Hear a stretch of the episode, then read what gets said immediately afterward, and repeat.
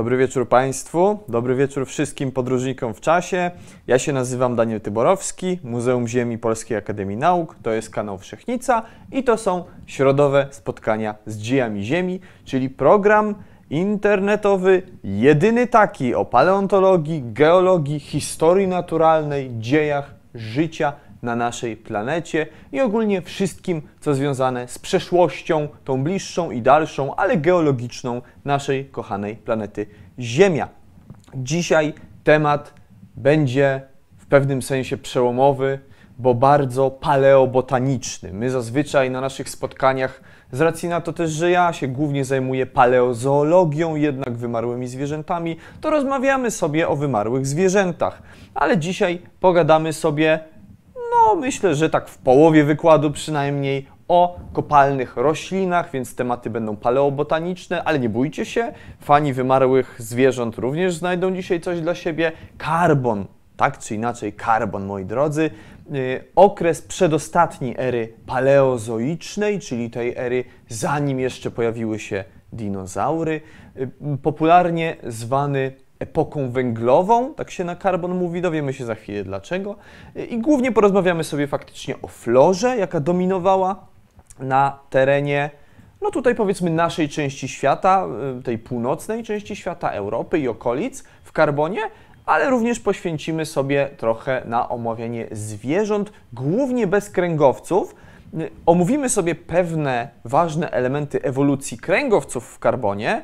E, to był karbon między innymi okres e, szczególnie ważny dla ewolucji na przykład płazów, ale my te płazy sobie dosłownie tak mm, uszczkniemy tylko, leciutko je tam sobie po, połechtamy, e, ponieważ o ewolucji płazów szykuje dla Was osobny wykład, cały poświęcony płazom, więc ostatecznie stwierdziłem, że nie ma co tych tematów ze sobą mieszać i dzisiaj tylko napomkniemy sobie o tych płazach, czy w ogóle kręgowcach, a tak to skupimy się na florze, na tym jak wyglądało środowisko w karbonie i jakie niezwykłe bezkręgowce w tych lasach karbońskich żyły, no właśnie lasach, bo karbon to przede wszystkim jest okres, kiedy olbrzymie lasy rosły, przynajmniej tutaj w naszej części świata.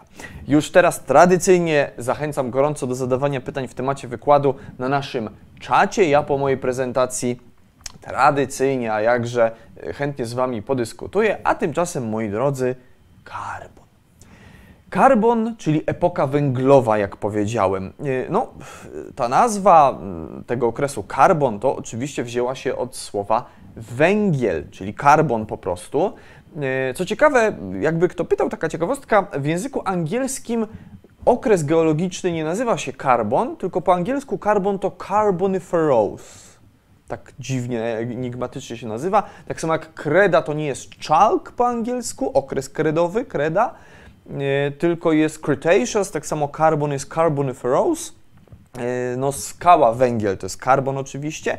I z tego czasu e, słyną, przynajmniej tutaj w Polsce i w naszej części świata, e, no na przykład na Śląsku u nas górnym, słyną takie no, potężne kopalnie węgla kamiennego głównie, bo z karbonu u nas się głównie wydobywa węgiel kamienny, chociaż nie musi to być regułą i są takie złoża węgla z okresu karbońskiego, y, których do dzisiaj, z których do dzisiaj przetrwały złoża węgla brunatnego. Zazwyczaj u nas węgiel brunatny y, powstawał w tych młodszych epokach geologicznych w w, w, trzecio, no, w dawniej w trzeciorzędzie w kenozoiku generalnie szeroko pojętym, a raczej no, raczej, raczej kojarzymy węgiel kamienny z tym właśnie okresem karbońskim, ale pamiętajcie, że są takie obszary na świecie, gdzie w karbonie powstawały złoża węgla brunatnego, na przykład w Rosji są takie obszary, ale u nas głównie,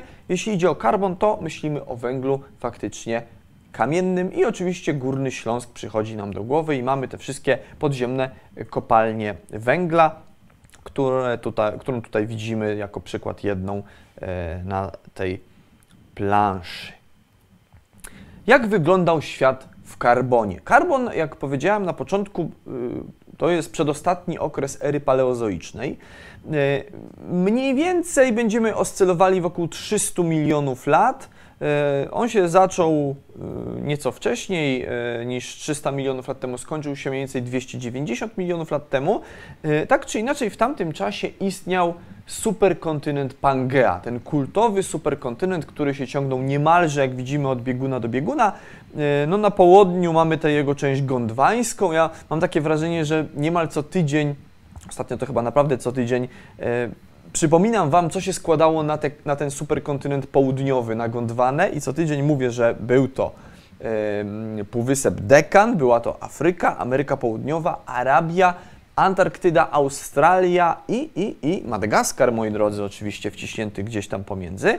No i mamy tę północną część, czyli tą część e, euroamerykańską, czy laurosyjską, czyli Eurazja i Ameryka Północna. I to wszystko skomasowane ze sobą jeszcze było w karbonie i tworzyło razem superkontynent Pangea.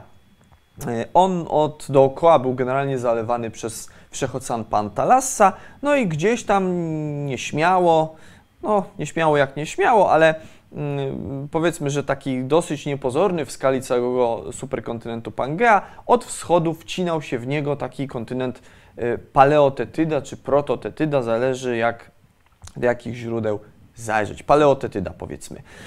Więc tak wyglądał, wyglądała mapa, wyglądałby globus naszej planety, gdybyśmy cofnęli się do karbonu, gdybyśmy spojrzeli na Ziemię z kosmosu. Tak by to wyglądało. Y, w karbonie mm, na południu, na tej części gondwańskiej Pangei, miały miejsce słynne zlodowacenia Gondwany. Cały kontynent wtedy mieliśmy jeden ten superkontynent Pangea, ale zlodowacona była ta jego południowa część, czyli właśnie część gondwańska, w związku z czym mówimy o zlodowaceniach Gondwany. Tam y, były czapy lodowe, dookoła tych czap lodowych rozwijała się tundra bądź tajga. O tajdze karbońskiej też Wam wiele razy opowiadałem. Tam między innymi taka flora glossopterisowa się rozwijała. Mm, e, jak kogoś to interesuje, to polecam e, wykłady, na których mówiłem o tej florze coś więcej, na przykład taki wykład o mapach paleogeograficznych był. My dzisiaj kuzynów tej flory glossopterysowej, która budowała tajgę karbońską, dzisiaj ich omówimy, bo my się skupimy na północnej części świata, północnej części tej mapki, czyli nie skupimy się na tym rejonie gondwańskim, ale tym y, laurosyjskim czy laurazjatyckim, jak zwał, tak zwał, generalnie na tej części północnej, tutaj mniej więcej w naszych częściach świata, Europa, Ameryka Północna, no, które wtedy były oczywiście bardzo, bardzo blisko siebie. Y, zobaczymy sobie, jak paleośrodowisko tych obszarów wyglądało właśnie te mniej więcej 300 milionów lat temu. Y, jeszcze swoją drogą taka ciekawostka. Oczywiście to wszystko, co za chwilę będziemy oglądać, obecność olbrzymich lasów, które rozwijały się tutaj w naszej części świata, w, szczególnie w późnym karbonie, y, jest w pewnym sensie efektem właśnie tych zlodowaceń. Z racji, że na południu mieliśmy zlodowacenia, no to poziom wszechoceanu był dużo, dużo niższy niż ma to miejsce no miało to miejsce generalnie w przeszłości geologicznej, gdzie raczej dominował wysoki poziom morza. Dlatego e, mimo faktu, że Europa w erze paleozoicznej, Polska w tym, w, w erze paleozoicznej była głównie pokryta przez morza, to w karbonie, a zwłaszcza późnym karbonie, pod koniec karbonu, e, kiedy nastały zlodowacenia południowej części świata, morza się tutaj w naszym rejonie cofnęły i lądy zostały odsłonione, więc lasy, olbrzymie, olbrzymie lasy mogły zacząć w tym czasie pokrywać no, rozległe obszary naszego kontynentu i tak jak powiedziałem, naszej północnej części świata. Więc pamiętajcie, że wszystko to, co za chwilę będziemy oglądać, te olbrzymie lasy i ich dziwnych mieszkańców mamy tutaj, czy mieliśmy tutaj, dzięki temu, że na południu świata w tym samym czasie rozwijała się epoka lodowa.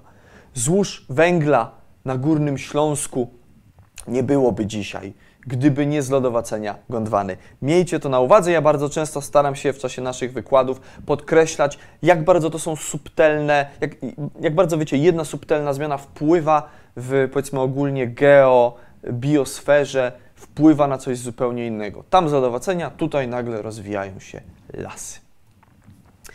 No i mamy te pokłady węgla. Głównie oczywiście kojarzymy je z Górnym Śląskiem w naszym kraju. W Niemczech również są podobnego wieku złoża, mm, tutaj w, na terenie powiedzmy południowych y, Niemiec.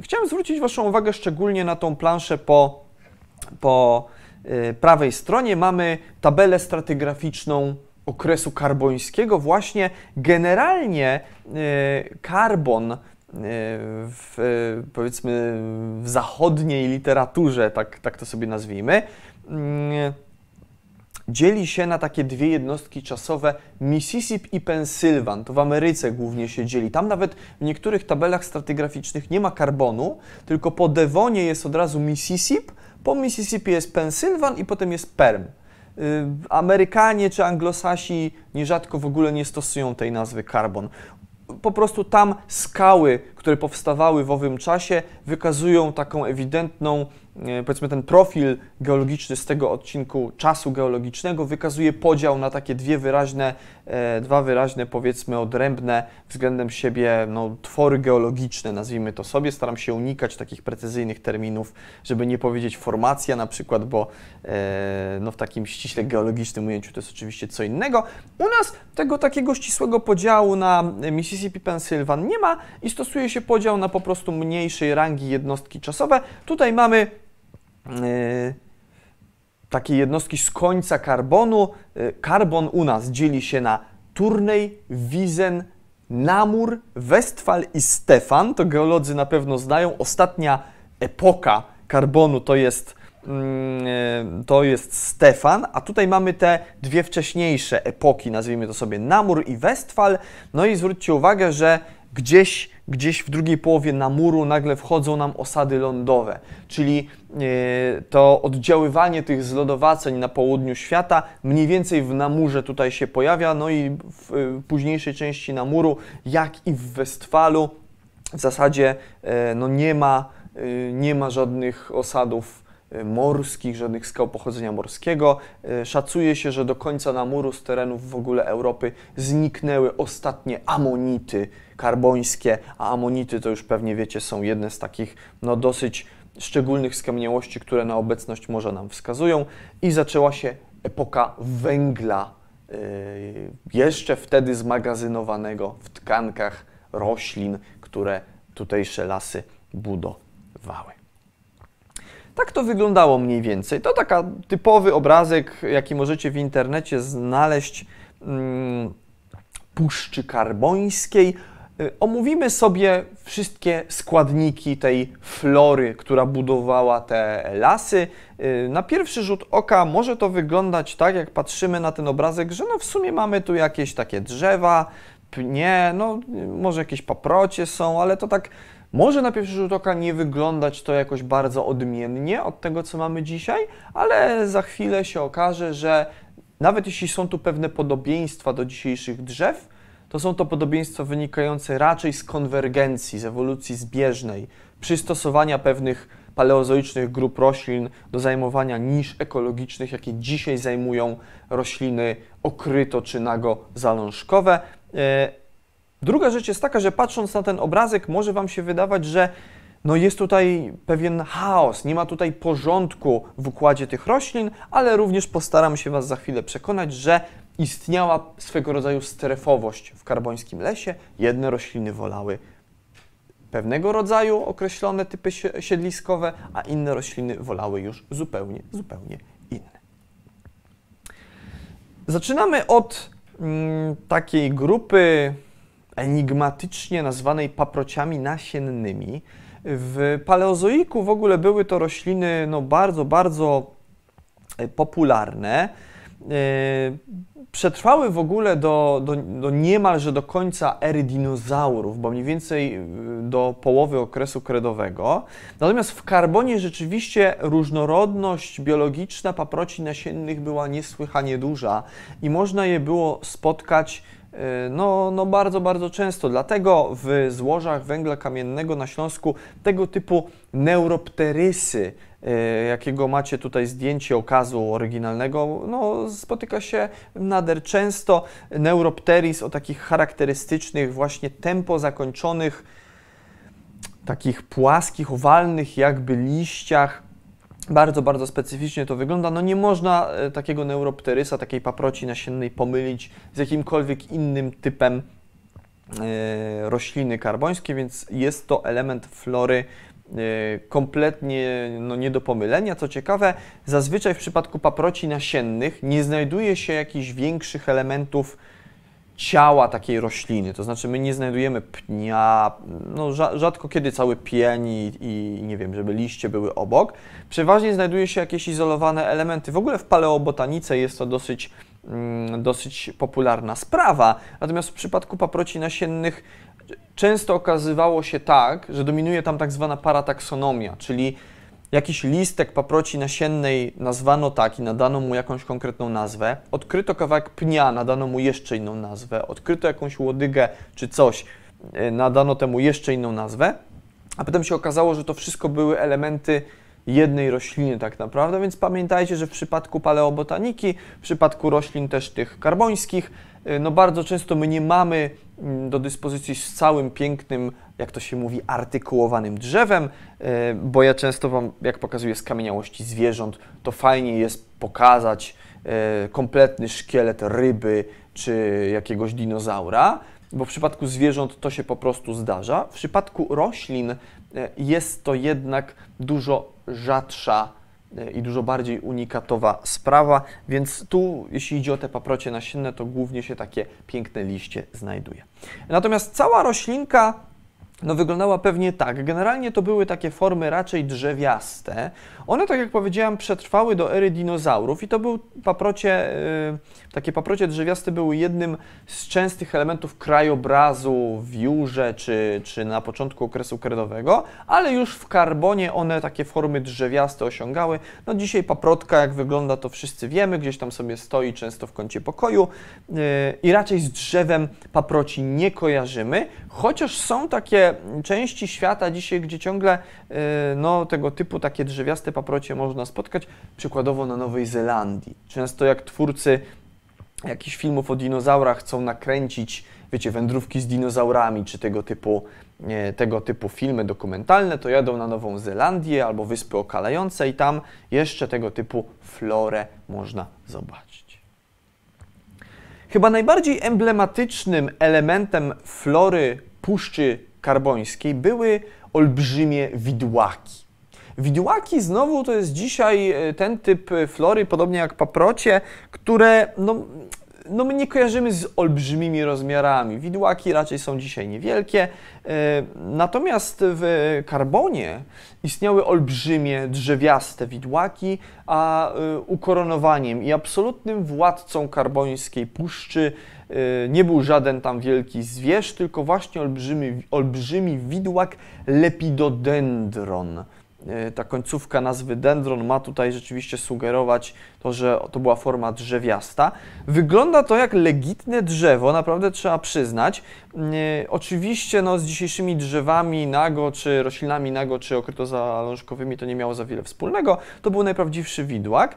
E, co ciekawe, na większości rekonstrukcji lepidodendronów, jakie znajdziecie Państwo w internecie, czy często nawet w książkach, pokazuje się je jako rośliny o takiej typowo brązowej korze i gdzieś tam dopiero korona takiego drzewa będzie, będzie e, zielona. Natomiast trzeba pamiętać, że te lepidodendrony najprawdopodobniej miały również zielone pnie, to znaczy ich kora była zielona. E, wiemy to mm, dlatego, że znajduje się na takiej korze ślady aparatów szparkowych, co jednoznacznie sugeruje, że rzeczywiście ona powinna e, no tam tam te procesy związane z oddychaniem zachodziły i, e, i, i te, te, ten kolor zielony na tej korze powinien być obecny.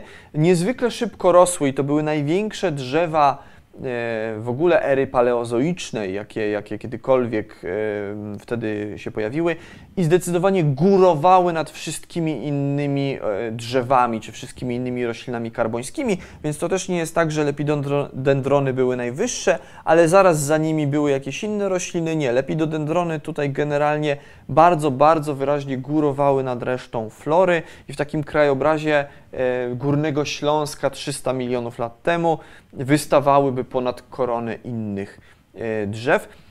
ciekawa sprawa.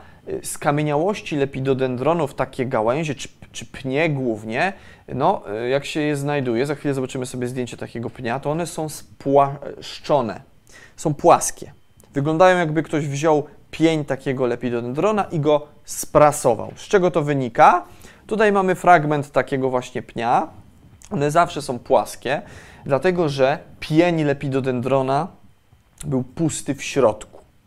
To nie było tak jak w przypadku dzisiejszego drzewa, tylko ten pień był pusty, więc kiedy taki pień się zwalił, drzewo umarło i zwalił się po prostu na ziemię, to bardzo łatwo przysypany osad, no i woda i różne inne takie czynniki środowiskowe doprowadzały do tego, że ten pień po prostu ulegał załamaniu pod sobą, po prostu no, no nie zachowywał się w postaci takiej, wiecie, e, okrągłej na przekroju, tylko ulegał zgięciu.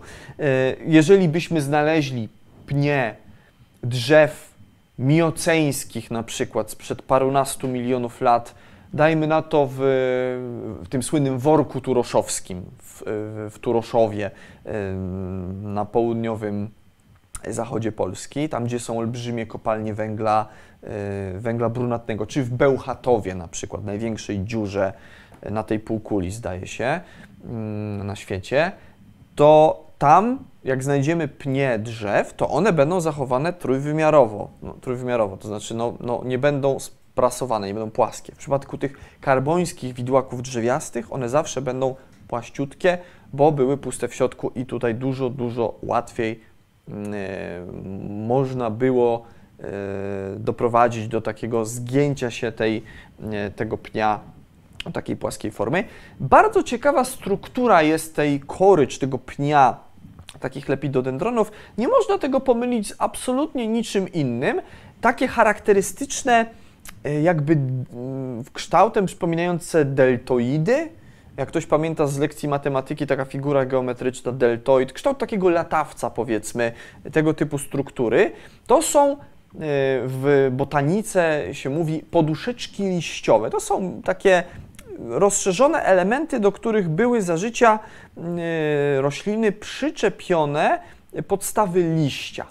Co ciekawe, u góry takiego każdego pojedynczego e, właśnie mm, e, latawco-kształtnego elementu, każdej takiej poduszeczki liściowej, znajdował się taki element zwany języczkiem, ligua, a po polsku po prostu języczek. To była struktura służąca do wyłapywania wody. No, dlatego niejako kora takiego olbrzymiego lepidodendrona służyła do pobierania wody ze środowiska. A to za chwilę, za chwilę znajdziemy rozwiązanie tego problemu. Dlaczego tak było? Otóż te widłaki musiały mieć tak, takie rozwiązanie konstrukcyjne, takie rozwiązanie fizjologiczne. Za chwilę do tego wrócimy. Na razie zapamiętajcie, że każdy taki e, właśnie deltoidowaty kształt, czy latawco-kształtny element mm, Y, na korze takiego lepidodendrona, tam się znajdował języczek do wyłapywania wody. Y, kuzynem y, lepidodendrona było sigilarie. Tak jak na lepidodendrona mówi się, że to byli władcy karbońskich lasów, to sigilarie mają taką polską nazwę, że sigilaria jest to drzewo pieczęciowe. Tutaj z kolei te poduszeczki liściowe na, na korze takiej sigilarii no mają już zupełnie inny kształt. Przyznacie, że jest to nie do pomylenia, nie taki właśnie deltoidowaty, tylko po prostu okrągły. To wygląda jakbyśmy wzięli kawałek tego pnia i sobie taką pieczęć stawiali co chwilę rzędami, jedną obok drugiej na tej korze, więc nie można tego absolutnie z lepidodendronem pomylić, więc nawet jak mamy kawałek takiej, takiej sigilarii, to wiemy, że to jest sigilaria, a nie lepidodendron. Tutaj te poduszeczki liściowe zupełnie inaczej wyglądały. Sigilarie były mm, podobnie jak, jak lepidodendrony takimi formami drzewiastymi o bardzo długich y, pniach, gdzieś tam się y, dychotomicznie roz, rozchodziły, ta korona się rozchodziła dopiero na samym szczycie. Nie były aż tak duże jak jak, jak, y, jak lepidodendrony. Prawdopodobnie żyły też w troszeczkę innym środowisku, chociaż na pewno lubiły wodę i sądzi się, że byli to kuzyni dzisiejszego poryblina. Fani botaniki, czy nie wiem, ogrodnictwa, no pewnie kojarzą taką wodną roślinę poryblin. Jak widzimy, jest to niewielka roślinka, no mieści się w dłoni, żyje sobie w środowisku wodnym. E, prawdopodobnie to są rzeczywiście kuzyni tych karbońskich widłaków, szczególnie takiej sigilarii. Ciekawa sprawa jest odnośnie systemu korzeniowego tych olbrzymich widłaków. Przecież to były olbrzymie rośliny, miały wiele dziesiąt metrów wysokości. No te lepidodendrony to mogły gdzieś tam prawdopodobnie między 30 a 50 metrów e, wysokości osiągać. Olbrzymie, olbrzymie drzewa. E, więc one musiały być solidnie zakotwiczone w gruncie. E, a zakładając, że no taki, taki grunt karboński jak za chwilę zobaczymy, no generalnie e, często był nasiąknięty wodą. Dobrze było być naprawdę mocno tam zaczopowanym, żeby nie przewrócić się po prostu i nie umrzeć. I do tego tym widłakom służyły takie struktury korzeniowe, które się nazywają stigmarie. To są po prostu korzenie, nazwijmy to sobie, takich olbrzymich widłaków. E, one rozchodziły się we wszystkich kierunkach, tworzyły taką bardzo szeroką podstawę. Przeważnie u takiego wielkiego widłaka były cztery takie główne stigmarie odchodzące w możliwie największej odległości od siebie, więc to tworzyło taką, e, taką bardzo, bardzo szeroką podstawę. I od tych stigmarii odchodziły jeszcze takie drobniejsze elementy, takie jeszcze jakby korzenie mniejszego rzędu, tak zwane apendiksy. I to na tym okazie po prawej stronie bardzo dobrze widać. Mamy ten ten długi element, e, najgrubszy, czarny, to jest taka stigmaria i po bokach odchodzą te apendiksy. Co więcej, na tym, e, jakby od góry patrząc na ten okaz, widzimy, że tam są takie małe jakby kropeczki, to też są otworki po takich apendiksach, czyli to nie jest tak, że z takiej jednej stigmarii tylko w dwie strony te apendiksy wystawały, bo może po tym okazie, po tej skamieniałości, którą tu mamy, moglibyśmy mieć takie wrażenie. Nie, nie, nie. Te, te korzenie drugiego rzędu apendiksy wyrastały we wszystkich kierunkach i to był system, który nawadniał, mm, nawadniał E, te olbrzymie widłaki. No on był niestety niewydolny do końca. One pobierały wodę z, z, ze środowiska, ale y, no, wiemy, że był niewydolny, bo y, te rośliny miały na sobie tą strukturę lingua, pamiętacie? Na poduszeczkach liściowych był ten języczek, który służył ewidentnie do pozyskiwania wody. Y, więc prawdopodobnie te korzenie nie były aż tak wydolne, jak można by było sądzić. Na pewno pełniły funkcję taką kotwiczącą w podłożu, na pewno też pełniły oczywiście inne funkcje fizjologiczne, jak zdobywanie wody, nawadnianie, ale również w takim e, no, mokrym lesie, czy, czy jakimś e, takiej równinie zalewowej, bo na przykład lepidodendrony szczególnie upodobały sobie takie często zalewane e, płaskie obszary, e, no tam dobrze było pozyskiwać tę wodę nie tylko z korzeni, ale również całym tym długim pniem. Jak już się miało taki długi pień, no to w sumie żal w pewnym sensie nie skorzystać z tego. Ciekawa sprawa, że nierzadko się znajduje takie całe systemy korzeniowe zachowane jeden obok drugiego, e, tych kopalnych widłaków, które tworzą pokłady takich kopalnych gleb, paleogleba, tak się na to mówi, i mamy obok siebie jeden system korzeniowy obok drugiego. To wcale nie jest tak rzadka sprawa. Przechodząc e, do kolejnej grupy roślin, obok paproci e, drzewiastych, obok widłaków drzewiastych, no były też skrzypy. I skrzypy w karbonie y, możemy podzielić sobie ogólnie na takie dwie duże grupy. Po pierwsze mamy skrzypy drzewiaste, czyli zobaczcie, znowu formy drzewiaste. Mieliśmy paprocie drzewiaste, widłaki drzewiaste, teraz mamy skrzypy drzewiaste. Taka inna nazwa na skrzypy drzewiaste to kalamity no bardzo, bardzo charakterystyczne rośliny. Po prawej stronie widzimy, jak wyglądały. Y, no przypomina to dzisiejsze skrzypy, które znowu dzisiaj są niewielkimi roślinkami. Skrzypy jakichś specjalnie tutaj spektakularnych rozmiarów nie osiągają. W karbonie tworzyły no, formy drzewiaste. Pień e, takiego skrzypa był gruby i posegmentowany, jak e, oczywiście na skrzypy przystało. Każdy, kto no, kiedyś widział albo trzymał w ręku skrzyp ten, wie, że jest to roślina, która jest, e, ma ten swój główny, tą oś, pień w przypadku formy drzewiastej posegmentowany. I co ciekawe, no, u nich występowało już występowało takie zjawisko wtórnego przyrostu drewna, co tutaj na tym obrazku pośrodku, gdzie mamy secondary ksylem, ładnie widać. Skrzypy drzewiaste preferowały środowiska wilgotne, gdzieś blisko jakichś koryt rzecznych, szczególnie na równinach zalewowych, myślę, że też. Ale obok form drzewiastych w karbonie żyły również innego rodzaju skrzypy, tak zwane klinolisty. Tutaj nazwa się bardzo będzie odwoływała do morfologii tych, tych roślin. Y, mianowicie były to formy pnączowate, tak byśmy sobie powiedzieli, formy tworzące pnącza. Więc no, czasem się tak mówi skrzypy pnącza, to trochę brzmi tak e, dziwnie. E, były skrzypy drzewiaste i były skrzypy pnączowate, czy skrzypy pnącza, po prostu klinolisty. E, tworzyły rzeczywiście takie for, formę takich e, pnączy, co widzimy ładnie w przypadku tej skamieniałości z węgla kamiennego wyciągniętej po lewej stronie.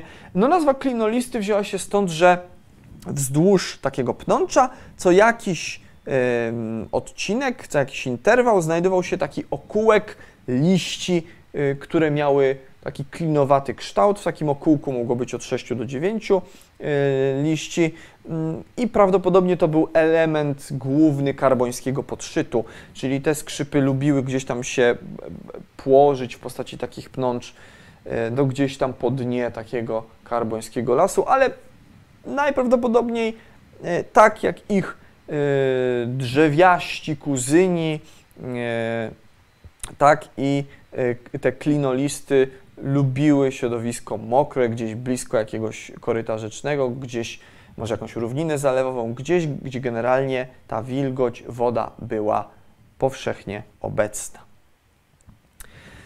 I kolejny składnik lasów, karbońskich w tamtym czasie, 300 milionów lat temu, chyba najbardziej nowoczesny, taki no, nowoczesny z ewolucyjnego punktu widzenia, e, to są kordaity, e, które były pierwotnymi roślinami nagonasiennymi, więc możemy sobie powiedzieć w dużym uproszczeniu, że mm, były takimi odległymi kuzynami dzisiejszych roślin szpilkowych.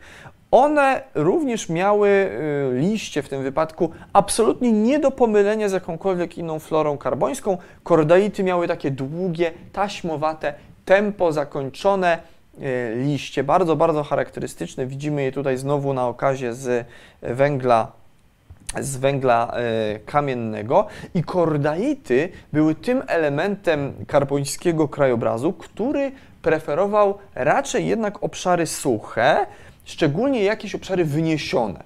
Jak gdzieś zdarzały się pagórki, jakieś obszary wyżynne, tam las był raczej kordaitowy, a nie widłakowy czy skrzypowy.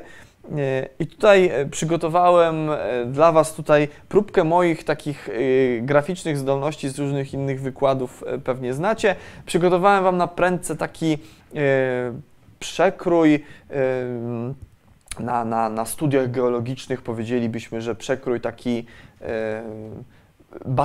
batymetryczno-facjalny, przekrój środowiskowy, mówiąc po ludzku, lasu karbońskiego.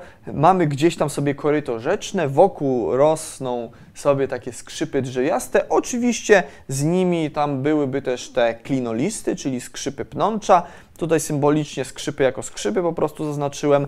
Mamy obok rozległą równinę zalewową. Tam będą głównie te olbrzymie e, widłaki, będą też e, paprocie, więc tam będą lepidodendrony, będą sigilarie, będą te neuropterysy, a wyżej na obszarach wyniesionych, na e, takich pagórkach mamy właśnie te kordaity o długich, taśmowatych liściach, więc myślę, że ten obrazek tak ładnie podsumowuje nam tę część paleobotaniczną e, dzisiejszego wykładu. I teraz możemy e, sobie przejść do tej części, na którą pewnie wielu z Was czeka, czyli część paleozoologiczną, czyli przejdziemy do zwierzątek, ale zanim to, to ja się tradycyjnie nawodnię Wasze zdrowie. Ostatnio mi pisaliście, że proszę się nawodnić, mocno to się nawadniam. Ja niczym te lepidodendrony lubię być nawodniony. Nie czuję, jak rymuje. Dobra, przechodzimy do zwierzaków. Y, karbon głównie kojarzy się szczególnie laikom, tak mi się wydaje, pasjonatom paleontologii z wielkimi stawonogami. I rzeczywiście, jeżeli chodzi o środowiska lądowe albo takie no, jakieś blisko związane z lądem, rzeczne, jeziorne, bagienne, albo nawet takie płytkowodne, płytkomorskie, ale związane jakoś tam ze środowiskiem leśnym w pewnym sensie, takie brzegowe, to było to środowisko, w którym stawonogi występowały licznie i, mm, i osiągały spektakularne rozmiary. Taka grupa, która już co prawda w karbonie mm, no możemy uznać, że była w zasadzie już e, reliktowa, czy może była takim e, łabędzim śpiewem w tym czasie, już no cieniem dawnej, cieniem dawnej różnorodności biologicznej, to są eurypteridy zwane w języku polskim wielkorakami, chociaż ta nazwa jest troszkę e, niefortunna, bo od razu nasuwa skojarzenie z rakami, czyli po prostu z ze skorupiakami, nic bardziej mylnego. Wielkoraki czy eurypteridy właśnie y, były kuzynami skorpionów i pająków. To były takie morskie skorpiony. Anglosasi się nie patyczkują, mówią na nie po prostu sea scorpions i wszyscy wiedzą o co chodzi. U nas wielkoraki z jakiegoś powodu, więc uczulam, to nie są kuzyni raków i w ogóle skorupiaków. Dużo bliżej mają do pająka, który siedzi dzisiaj e, w kącie pokoju, pewnie nie jednego z Was w tej chwili, a kto wie, i może tutaj gdzieś wokół mnie też będzie jakiś pająk, więc to są dużo bliżsi kuzyni pajęczaków. Mm, no i mamy e, generalnie takiego karbońskiego pajęczaka mm, z rodzaju Hibertopterus. Aha, jeszcze tak. Powiedziałem, że to one już w karbonie były mm, taką, takim cieniem samych siebie. Rzeczywiście epoka eurypteridów to był Ordowik i Sylur. Myślę, że głównie Sylur. Sylur jeszcze, jeszcze początek Devonu, czyli mniej więcej tak od 400, powiedzmy 50 do 400 milionów lat temu, czy 390 milionów lat temu.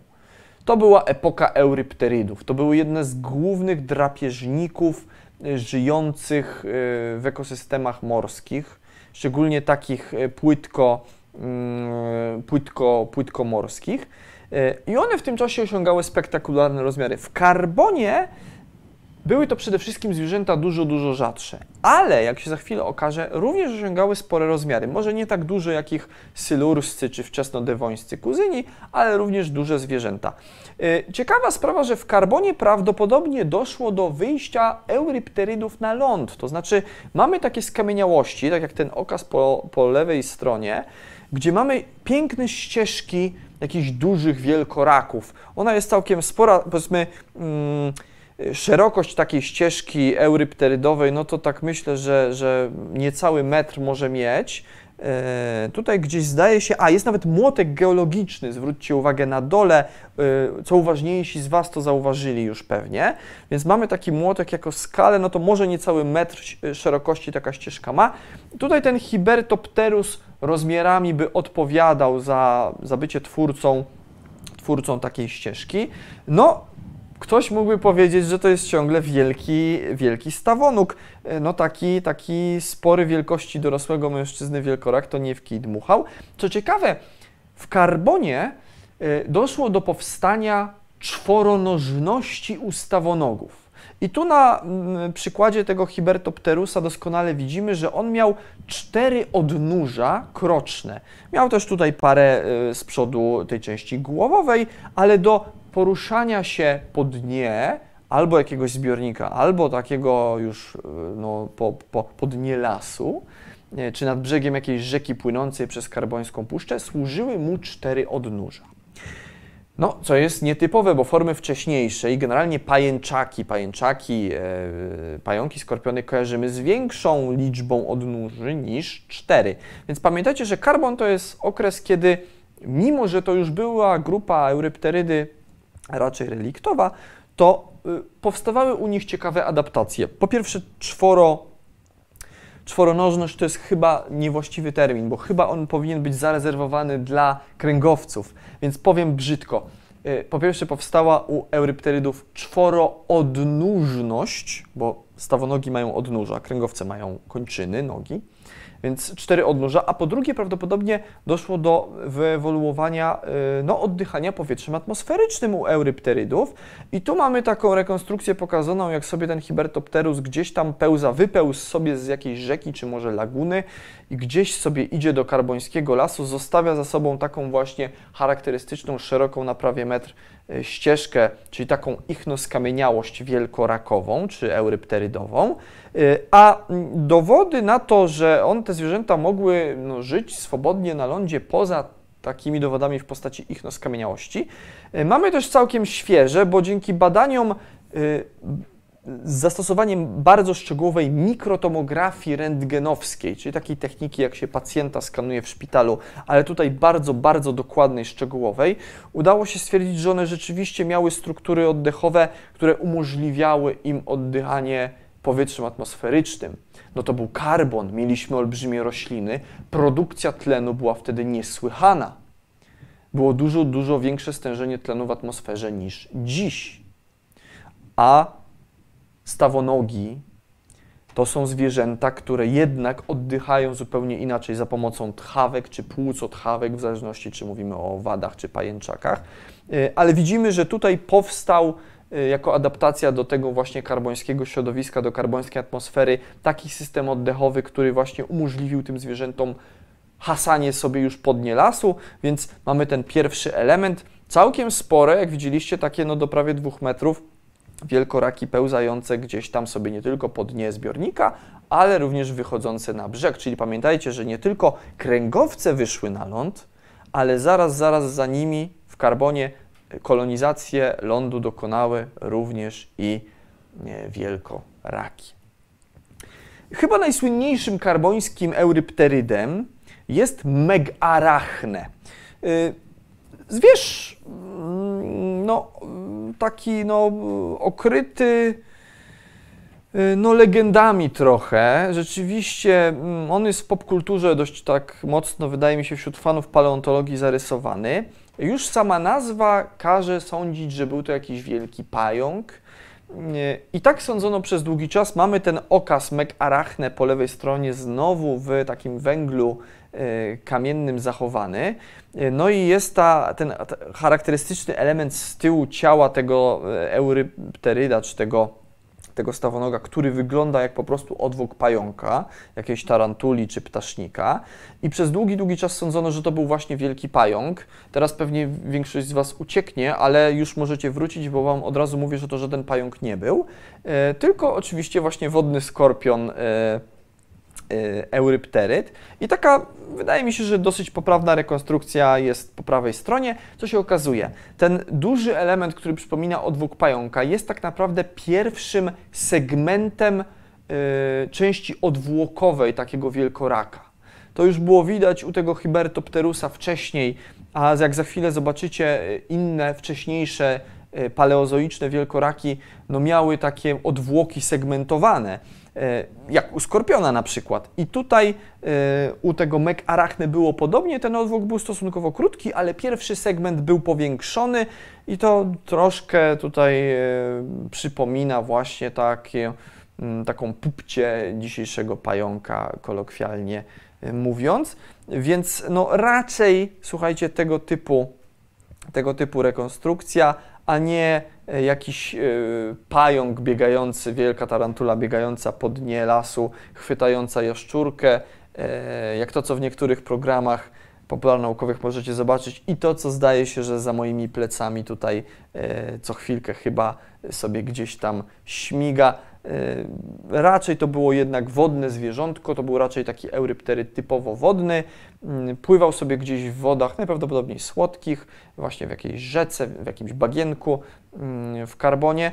No on y, przy swoich starszych kuzynach z Syluru czy początku Devonu no jest malutki, mikruśny. No oczywiście to wygląda jak taki duży, duży, duży półmetrowy pająk, ale no przyznacie, że taki Jekyllopterus czy Pterygotus gdzieś z przełomu Syluru i, i Devonu, y, gdzie były to zwierzęta y, dwu czy trzymetrowej długości, jak to wie, czy nie większe, e, no to przy nich to już jest mikrus. I megarachne, i ten Hybertopterus, e, no były zwierzętami niewielkich rozmiarów w porównaniu do swoich staro-paleozoicznych, jak to się mówi, e, kuzynów. Więc taka grupa reliktowa już trochę w karbonie, ale taka, która potrafiła w tym czasie zaskoczyć. Jedne bardziej takie kształtem przypominające pająka, inne E, o dużych tych tarczach głowowych, jak Hybertopterus, trochę przypominające może skrzypłocze albo trylobity, no i wykształciły mm, zdolność do życia również na lądzie. Przejdziemy sobie teraz do jeszcze większych stawonogów karbońskich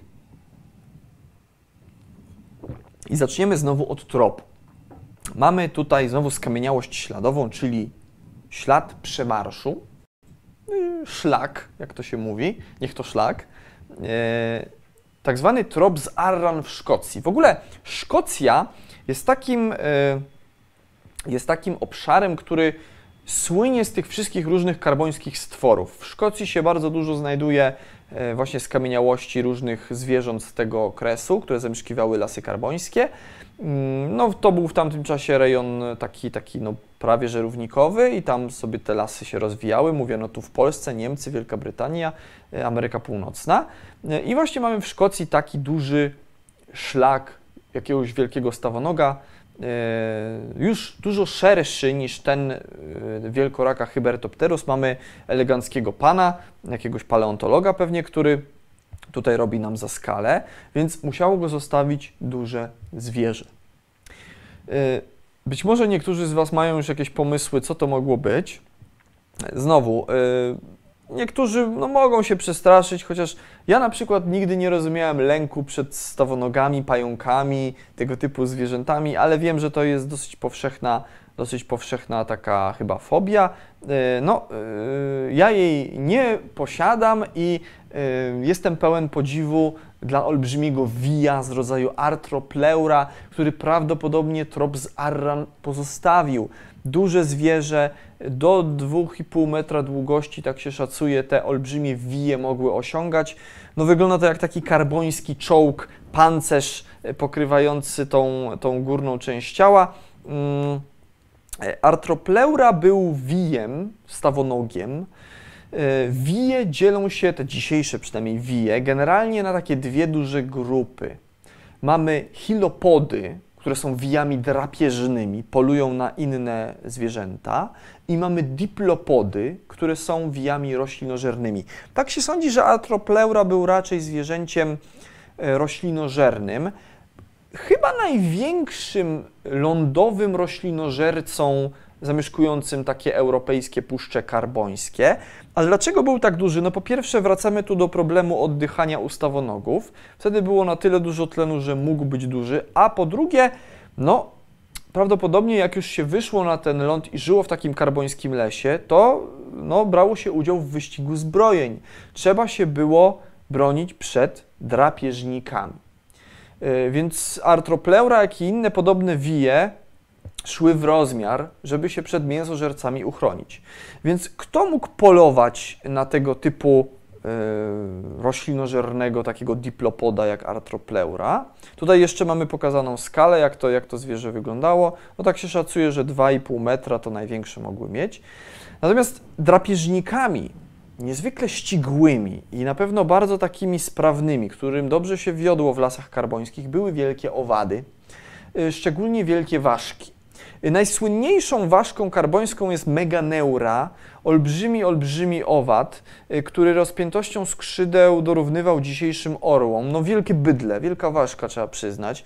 Ja jestem fanem ważek i czasami jak jest ciepło, właśnie wiosna, lato, idę sobie na spacer gdzieś e, w weekend nad Jeziorko Czerniakowskie w Warszawie, to tam podziwiam te ważki, jak latają. Zresztą nawet wokół Muzeum Ziemi w Warszawie bardzo często e, wiosną czy latem ważki sobie e, przylatują gdzieś do mnie pod okno i, i zwykle je obserwować. Są to fascynujące zwierzęta. Te karbońskie no były spore. Ważka wielkości wielkiego ptaka drapieżnego to nie w kij dmuchał i na takiego prymitywnego gada czy jakiegoś małego płaza łatwo było zapolować Yy, takiej ważce, jak było się zwierzęciem latającym, to złapanie jakiegoś pełzającego po dnie lasu zwierzęcia, no to jest prosta sprawa. Mm, tutaj jeszcze mamy w skali z człowiekiem pokazane, no wielkości takiego powiedzmy, no może nie bielika, ale yy, no myślę, że jastrzębia, myszołowa, no duże, duże zwierzę. Yy, ciekawa sprawa, bo znajduje się często skrzydła dorosłych ważek, więc wiemy, że tam żyły te wielkie ważki w karbonie.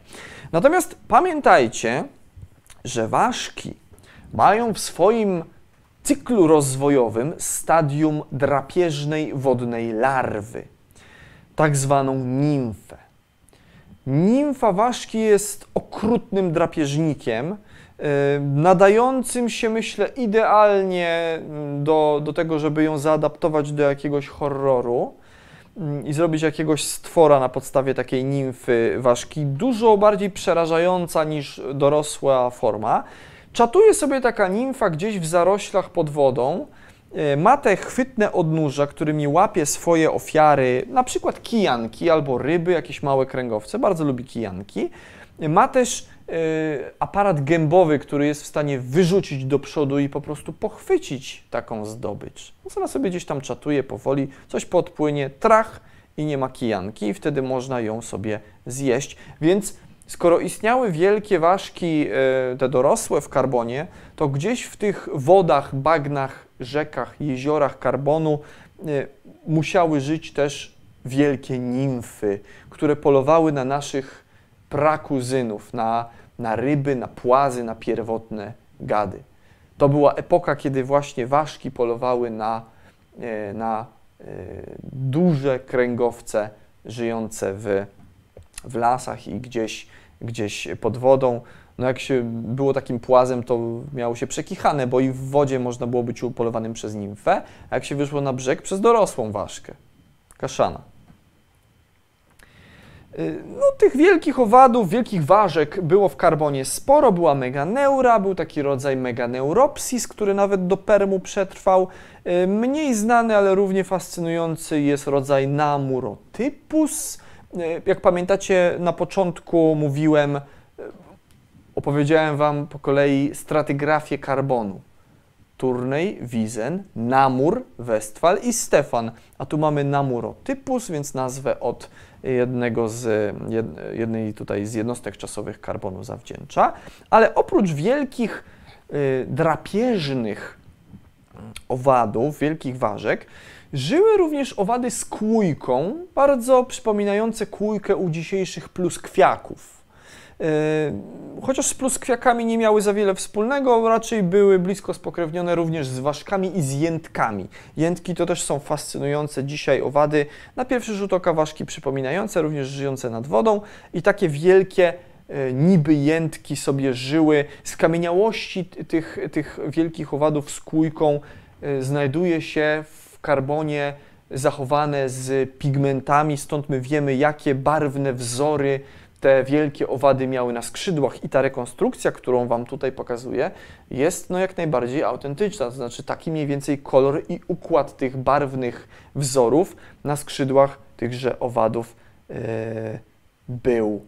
Więc zobaczcie, wiemy jak 300 milionów lat temu, jak barwny był ten świat, jaki kolor. Wiemy, że lepidodendrony musiały być zielone całe i wiemy, że były tam takie owady o tego typu ubarwieniu skrzydeł.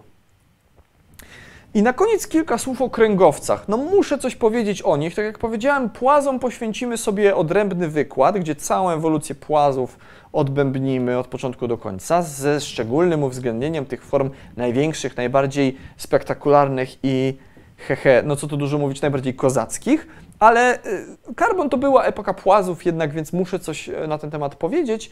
Y, mimo, że kręgowce dopiero co wyszły na ląd, polecam wykład o wyjściu kręgowców na ląd y, na kanale. Chwilkę dosłownie, mgnienie geologicznych powiek wcześniej w Dewonie. Ledwo co wyszły i już część z nich wtórnie przystosowała się do życia w wodzie do tego stopnia w wodach takich właśnie słodkich, w rzekach, jeziorach, jakichś starorzeczach, bagnach, do tego stopnia, że zaczęła postępować u karbońskich płazów niektórych redukcja kończyn. Y, świetnym przykładem jest tutaj po lewej stronie Greer Peton, y, no a już skrajnym koleżka po prawej stronie Crassigyrinus, którego skamieniałości, tak jak e, ten trop artropleury, e, również znaleziono na terenie Szkocji. E, no więc znowu obszar, który kompletnie nam się dzisiaj nie kojarzy z jakimś lasem i bagnami. No w tamtym czasie wielkie płazy. Crassigyrinus no to mógł mieć tak no między metr a dwa metry długości. I zobaczcie, on miał zredukowane kończyny, szczególnie przednie. Był niemal całkowicie wodnym drapieżnikiem z takimi wielkimi szczękami, polował na jakieś mniejsze zwierzęta wodne, więc ledwo co kręgowce wyszły na ląd, żeby już do niego wrócić w karbonie kilkadziesiąt milionów lat później. E, I to bardzo skrajnie się do środowiska wodnego, rzecznego, jeziornego przystosować. No i taki Crassigyrinus, nie wiem, jakby mi coś takiego pływało w jeziorku czerniakowskim, to, yy, to bym tam już na spacery chyba nie chodził, a przynajmniej bym bardzo uważał, yy, tam jest kąpielisko teraz. Nie, nie, no nie, ciężki temat. Tołpygi wiem, że tam chyba pływają, ale tołpyga raczej taka no, groźna nie jest. Crassigyrinus myślę, że groźny mógłby być. Ale tak jak mówię, o płazach inną razą. Mm. Natomiast karbon jest okresem, w którym nastąpiła bardzo ważna transformacja ewolucyjna tycząca się nas, nas, yy, owodniowców. My jesteśmy owodniowcami. Być może większość z Was pierwszy raz spotyka się z tym terminem. Yy, w szkole, w szkole Raczej y, no, uczymy się takiego kla klasycznego podziału kręgowców, że mamy ryby, płazy, gady, ptaki i ssaki. Ha! W paleontologii to już pewnie większość z Was wie, tak nie jest. I tutaj to sprawa jest dużo bardziej skomplikowana. I no, my jesteśmy ssakami, ale jesteśmy też owodniowcami. Owodniowce to są wszystkie ssaki, ptaki i gady. Co to, jest, co to znaczy być owodniowcem? Owodniowce to są te kręgowce, które są całkowicie uniezależnione od środowiska wodnego. Ryby żyją w wodzie, płazy, mimo że potrafią wyjść na ląd, są uzależnione od wody. No, muszą tam składać swoją ikrę, znaczy skrzek, tak, żeby składają skrzek. E, natomiast kiedy powstało twarde jajo okryte grubą skorupką, zwierzęta przestały być uzależnione swoim cyklem życiowym od środowiska wodnego i w tym momencie pojawiają się owodniowce. I to nastąpiło w karbonie. Z karbonu znamy pierwsze kręgowce całkowicie uniezależnione od wody. Jak powstała twarda skorupka, którą możemy utożsamiać z takim no, gadzim jajem, może nie takim jak u węży czy żółwi, bo one mają raczej skórzastą, e, skórzastą e, skorupkę, ale takim jajkiem powiedzmy jak u kurczaka, twardą skorupkę zmineralizowaną, to teraz w środku mamy coś, co się nazywa owodnią. Owodnia to jest e, taki, to jest coś, co nadaje zarodkowi, który jest w tym jaju, namiastkę środowiska wodnego. Więc taki zarodek nie potrzebuje być składany w wodzie, jak u płazów czy ryb. Może być złożony w gnieździe ptaka 20 yy, metrów nad ziemią, albo w kopcu zagrzebanym pod ziemią, prawda? Jak w przypadku krokodyla, albo na plaży, jak w przypadku żółwia. Bo w tym jaju już ten zarodek ma namiastkę środowiska wodnego. Tam jest też omocznia, czyli taki element, gdzie składane są szkodliwe produkty przemiany materii. Ta skorupka jest twarda, więc ta woda nie wypływa, ale z drugiej strony jest na tyle przepuszczalna, że dopuszcza wymianę gazową. Więc ten zarodek ma namiastkę środowiska wodnego, toksyny są odprowadzane do o, y, moczni, a zarodek oddycha, jest wymiana gazowa z atmosferą. Super sprawa, genialny wynalazek ewolucyjny, powstał właśnie w karbonie. Pierwsze owodniowce z grubsza wyglądały jak dzisiejsze niewielkie gady. Tu taki przykład Hylenomus, bardzo popularny zwierz swoją drogą, nie wiem czy wiecie, ale Yy, właśnie prawdopodobnie te pierwsze niewielkie owodniowce, które w tamtym czasie były no, niedużych rozmiarów zwierzętami, yy, żyły głównie właśnie w pniach wielkich widłaków. Więc to środowisko karbonu zapewniło w pewnym sensie no, yy, tutaj rozwój nam, doprowadziło do powstania naszej wczesnej ewolucji naszych wczesnych przodków. My się wywodzimy od tych małych zwierząt, które gdzieś sobie gniazda zakładały w pniach sigilariowych. Często się znajduje skamieniałości tych pierwotnych owodniowców właśnie w takich pniach wielkich widłaków, więc bądźmy wdzięczni karbońskim lasom. Zwróćcie uwagę znowu, gdyby nie zlodowacenia na południu Pangei, na Gondwanie w Karbonie, nie powstałyby lasy i gdyby nie powstały lasy, nie powstaliby nasi prawdopodobnie najodleglejsi przodkowie, którzy żyli w tamtym czasie właśnie w tychże lasach, w pniach wielkich widłaków. Zobaczcie, mała zmiana. Przesuwamy jeden element i całe dzieje Ziemi ulegają zmianie.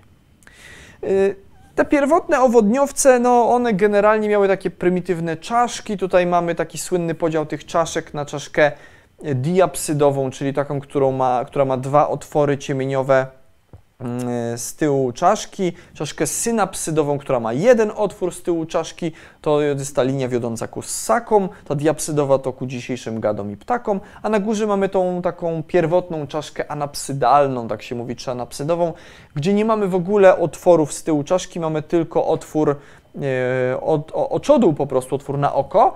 I tak się sądzi, że to były właśnie te naj, najpierwotniejsze owodniowce, miały tego typu plan budowy. No po prawej macie tutaj próbkę tych karbońskich wczesnych owodniowców. Z grubsza one wszystkie wyglądają podobnie i tu się jeszcze żadne ciekawe rzeczy z nimi nie działo, e, ale już na przełomie karbonu i permu z tych owodniowców różne większe stwory zaczęły powstawać, ale o tym jak zwykle inną razą Wam opowiem. Tak czy inaczej, pamiętajcie, że karbon to jest okres, gdzie powstało, powstało to ważne, gdzie miało miejsce to ważne wydarzenie ewolucyjne, powstanie naszych najstarszych, całkowicie lądowych praprzodków. No i jeszcze na koniec takie zdjęcia, zdjęcia, takie rekonstrukcje tych lasów karbońskich jakaś równina zalewowa, wielkie. Mamy, widzicie te widłaki, lepidodendrony górujące nad, e, nad tymi paprociami drzewiastymi i skrzypami, a tam, gdzie było bardziej mokro, jakie, jakieś bagnisko, no to tam sobie żyły, e, żyły właśnie owady, ten krasigirynus wylatuje, chce złapać ważkę, a tutaj e, na, z prawej strony na dole mamy to, tego chyba megarachne wielkiego e, eurypteryda, no wielkiego jak wielkiego, półmetrowego stawonoga, który sobie siedzi gdzieś tam na pniu jakiegoś obalonego, no zdaje się, że lepidodendrona. I to jest tyle ode mnie na dzisiaj. Teraz chętnie z Wami podyskutuję, ale zanim to, to jeszcze małe ogłoszonko. Moi drodzy, kilka tygodni temu Muzeum Ziemi objęło patronatem książkę wydawnictwa Copernicus Center Press Świat poza fizyką. To jest książka dotycząca się biologii ewolucyjnej, powstania życia na Ziemi, generalnie e, no, takich podstawowych mechanizmów ewolucyjnych. Ja już tą książkę Wam polecałem na naszych wykładach. Był nawet konkurs na stronie Muzeum Ziemi, gdzie można było taką książkę wygrać. I teraz dzięki współpracy z wydawnictwem CC Press mamy kolejny konkurs, dostaliśmy nowe egzemplarze tej książki i znowu macie szansę wygrać kilka egzemplarzy mm, właśnie świata poza fizyką. Konkurs trwa do 13 kwietnia. Co należy zrobić, aby brać udział w konkursie? Wejdźcie na stronę internetową Muzeum Ziemi Y, Polskiej Akademii Nauk w Warszawie, albo najlepiej na Facebooka Muzeum Ziemi w Warszawie. Wystarczy wklepać w Face'a Muzeum Ziemi w Warszawie. Tam jest konkurs, tam są szczegóły, co należy zrobić, yy, jakie jest pytanie, gdzie należy odpowiedzi przysyłać. Konkurs trwa do 13 kwietnia. Ślijcie odpowiedzi, przytulcie nas na Facebooku, zajrzyjcie na stronę internetową, tam wszystkie szczegóły odnośnie konkursu znajdziecie. Gorąco Gorąco polecam tę książkę dla wszystkich fanów biologii, nauk przyrodniczych, nauk ewolucyjnych szeroko pojętych. A teraz, jak mawiał kiedyś w pewnym słynnym teleturnieju Krzysztof Ibisz, yy, słucham Państwa. Patrzę, co tam, co tam pisaliście i sobie pogadamy.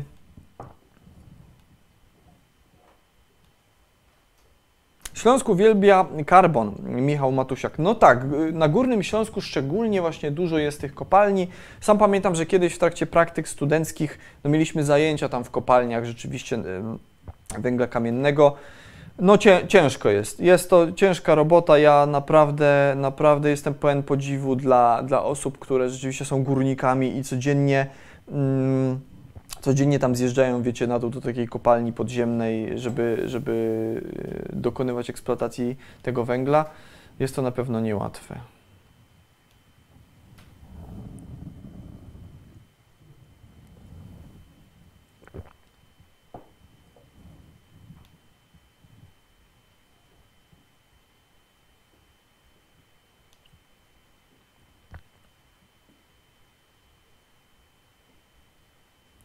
Znajdowałam odciski roślin na kamieniach e, e, pokopalnianych na Górnym Śląsku, Monika T.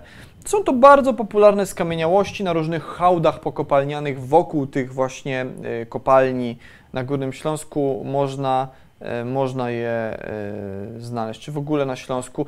nawet nie tylko, wiecie, południe Polski to jest taki obszar, gdzie rzeczywiście, jak są te kopalnie węgla kamiennego, to to skamieniałości roślin, właśnie lepidodendronów, sigillarii, paprocie, różne inne. Cała ta flora, którą Wam dzisiaj przedstawiłem, można te skamieniałości tam znaleźć. To wcale nie są jakieś super rzadkie okazy. Jak się pójdzie po kopie, ma się gdzie przede wszystkim pokopać, to można to naprawdę znaleźć, to nie jest nic trudnego.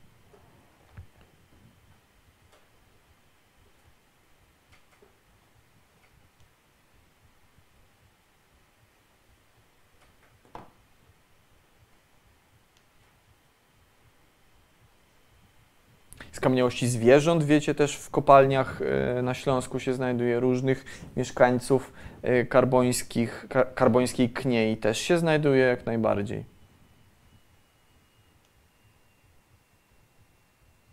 Takie paprocie na Nowej Zelandii rosną, Daniel Maślak. Tak, to jest właśnie to, co powiedziałem Wam, że dzisiaj mamy takie paprocie drzewiaste na Nowej Zelandii i tam ekipy filmowe, jak chcą film o dinozaurach nakręcić, to głównie jadą no, Nowa Zelandia, Tasmania, no te wyspy w okolicach Australii powiedzmy.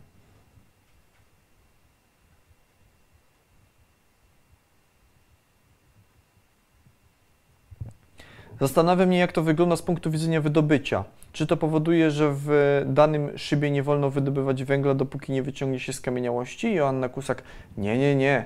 Pani Joanno Szanowna, to kompletnie tak nie wygląda. To my, paleontolodzy, geolodzy, jesteśmy gośćmi w każdej kopalni jeżeli y, my zostaniemy tam wpuszczeni, to my znajdujemy to, co znajdziemy. To nie jest tak, że najpierw my tu wchodzimy, stop, wchodzi paleontolog, wybieramy, wybieramy i, i, dopiero potem jest eksploatacja. Nie, nie, nie. Trwa sobie eksploatacja i my dzięki tej eksploatacji możemy wejść do kopalni. To się tyczy i kopalń takich podziemnych, jak w przypadku węgla kamiennego, jak i kopalń odkrywkowych, kamieniołomów po prostu. Jest eksploatacja, jak mamy pozwolenie, wejdziemy, poszukamy skamieniałości, wyjdziemy. Y, nikt tu nie patrzy na cenne okazy, wiecie, górnicy, pracownicy kopalń, no, no, no nie patrzą na to, żeby znaleźć y, skamieniałości. Kopalnia to jest, wiecie, biznes tak naprawdę, tu ważny jest urobek. My tam jesteśmy tylko gośćmi jako naukowcy. Tutaj Jacek Mielcarek dobrze napisał, liczy się zysk, w kamieniomach podobnie. No dokładnie tak, dokładnie tak. Ale wiecie, no gdyby nie było tych kopalń w ogóle, no to byśmy nie mogli wchodzić i wyciągać tych e, okazów. Nie mielibyśmy do nich po prostu dostępu.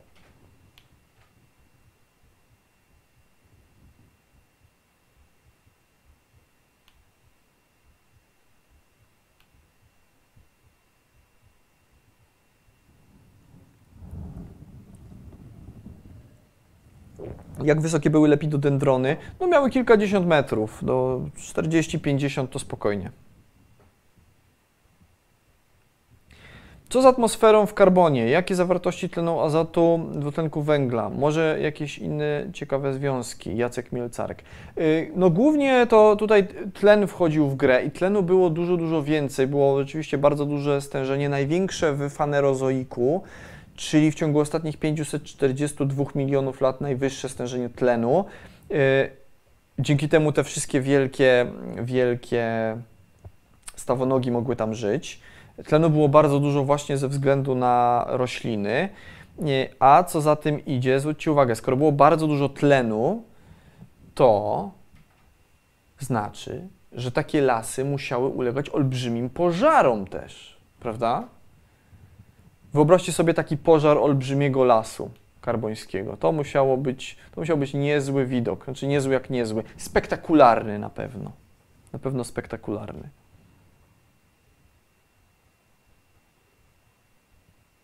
Czy na świecie można spotkać drzewa rośliny, które występowały w karbonie? Y, no takie same gatunki jak te karbońskie to raczej nie, ale tak jak mówię, mamy paprocie drzewiaste, Nowa Zelandia, Tasmania, widłaki ogólnie też mamy dzisiaj, nawet paprocie, tak jak Wam pokazałem, występują dzisiaj, chociaż to nie są, yy, Panie Marcinie, takie same paprocie jak te karbońskie. Tutaj pan Jacek pisze Bogatynia i Turoszów. Byłem kiedyś w kopalni w Turoszowie. To jest w ogóle, jak, jak kto nie wie, to taka szybka powtórka z lekcji geografii. Jak macie mapę Polski, południowo-zachodni kawałek Polski, tam jest taki mały, taki cycek, taki dzyndzelek, co się wcina w Czechy. Mały, taki mały element. To jest tak zwany worek turoszowski. I tam jest kopalnia w y, Turoszowie, olbrzymia kopalnia właśnie, e, właśnie węgla, e, ale węgla, mm, węgla, węgla nie kamiennego karbońskiego, tylko węgla brunatnego.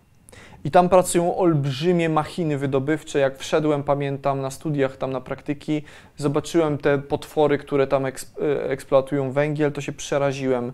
E, no jak, słuchajcie, z Transformersów to wyglądało, no to znaczy jak jakiś straszliwy, nie wiem, Decepticon, no coś takiego to wyglądało. Robi to wrażenie, olbrzymie.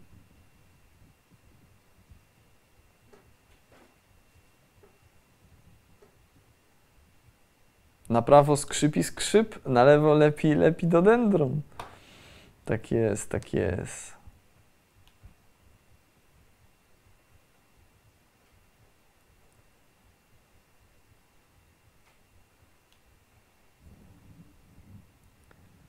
Gdzie w Wielkopolsce można szukać skamieniałości? Jan Kowalski. A propos naszego dzisiejszego tematu, czyli e, lasów karbońskich i flory karbońskiej, to są takie stanowiska mm, w Wielkopolsce, e, gdzie skamieniałości roślin, ale nie karbońskich, ok, to nie karbońskich, ale raczej, raczej tych właśnie z ery kenozoicznej można znaleźć, ale są takie, są takie miejsca, są z florą, ale właśnie nie karbońską, tylko tą, tą, y, tą y, trzeciorzędową, tak mówiąc, tą starą terminologią.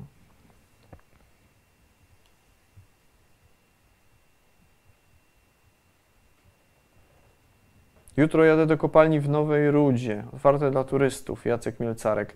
Też byłem kiedyś w tej kopalni, byłem.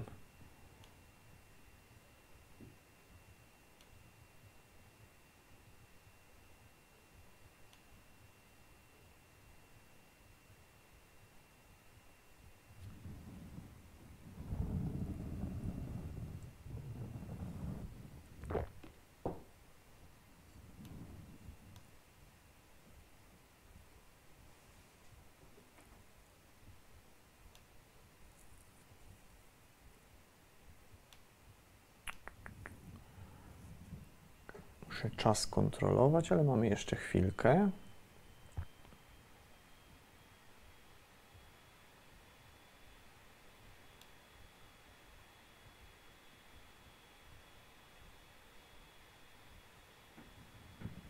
Witam panie doktorze, mam dziś urodziny. Mama mi kupiła książkę Historia naszej świadomości. Wszystkim polecam taką fajną książkę. Pozdrawiam. Franciszek Najda. Wszystkiego najlepszego, Franciszku. Czytaj tę książkę, bo jest rewelacyjna. Świetny prezent ci mama na urodziny yy, sprawiła. Może, może warto, żeby mama się konkursem na stronie Muzeum Ziemi też zainteresowała. Może następna książka do kolekcji wleci. Wszystkiego, wszystkiego dobrego, tak czy inaczej. Dużo, dużo zdrowia.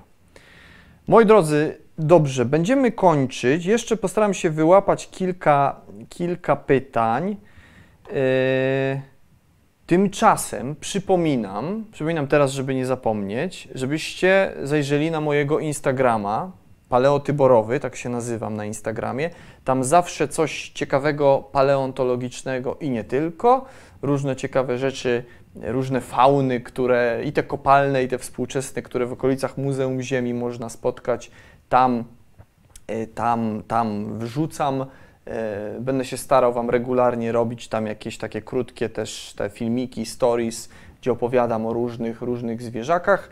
Y, i inne ciekawe sprawy paleontologiczne tam znajdziecie. Więc tam zachęcam, Instagram paleotyborowy, a jeszcze zobaczymy, mamy 15 po, no to jeszcze tak z 5 minut postaramy się wyłuskać coś fajnego.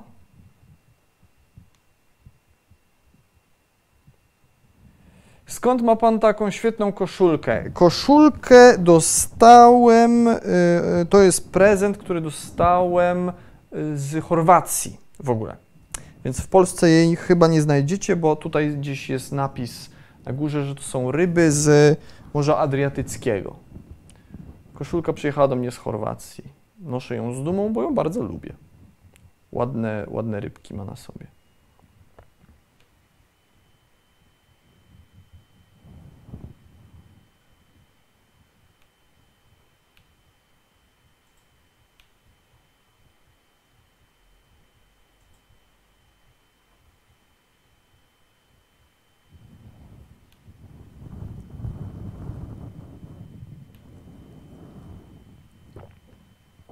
Czy był jadowity? Lady of River pyta. Domyślam się, że chodzi o tego Via artropleure.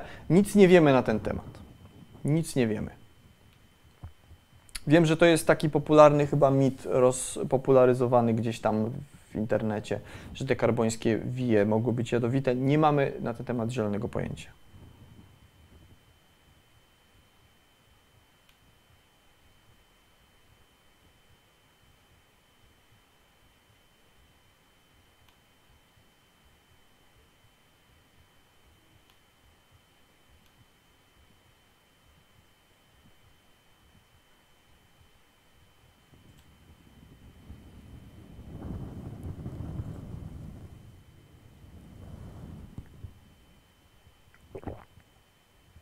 Czekamy na Trias Jure i dinozaury. Grzegorz Szulc. No tydzień temu było o dinozaurach, moi drodzy. Wiem, że byście chcieli co tydzień dinozaury, y, żeby były, ale ja tu będę się starał Was jednak edukować różnymi tematami paleontologicznymi, ale o dinozaurach sobie jeszcze niedługo też pogadamy.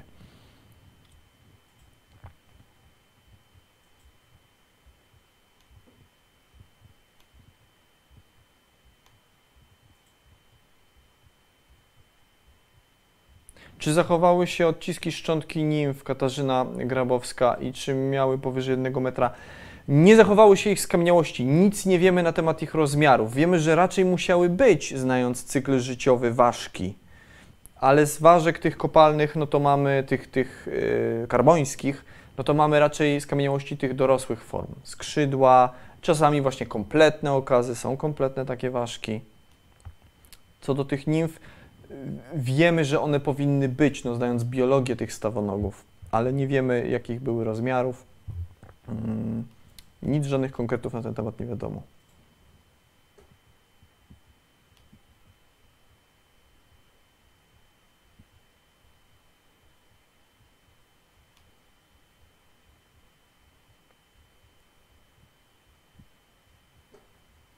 Właśnie skolopendra tutaj piszecie w, na czacie, widzę.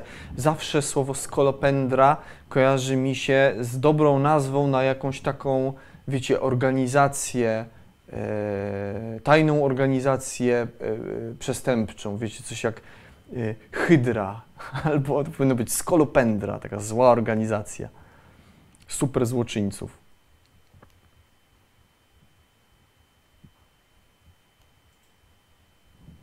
Dobra, 19 po, będziemy kończyli.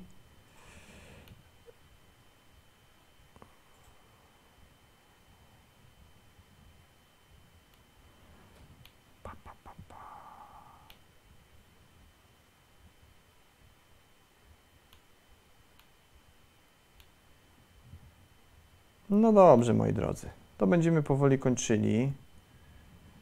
Hmm.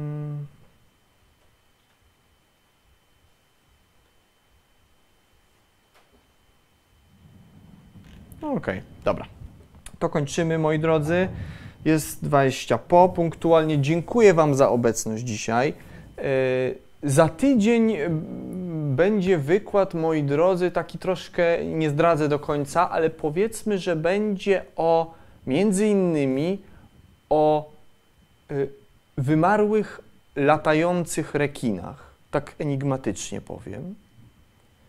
Być może niektórzy się domyślają o co chodzi, być może y, pewnie większość z Was się nie domyśla. Więc jest na co czekać. St- W taki enigmatyczny sposób Was zostawię. Dziękuję pięknie za dzisiaj.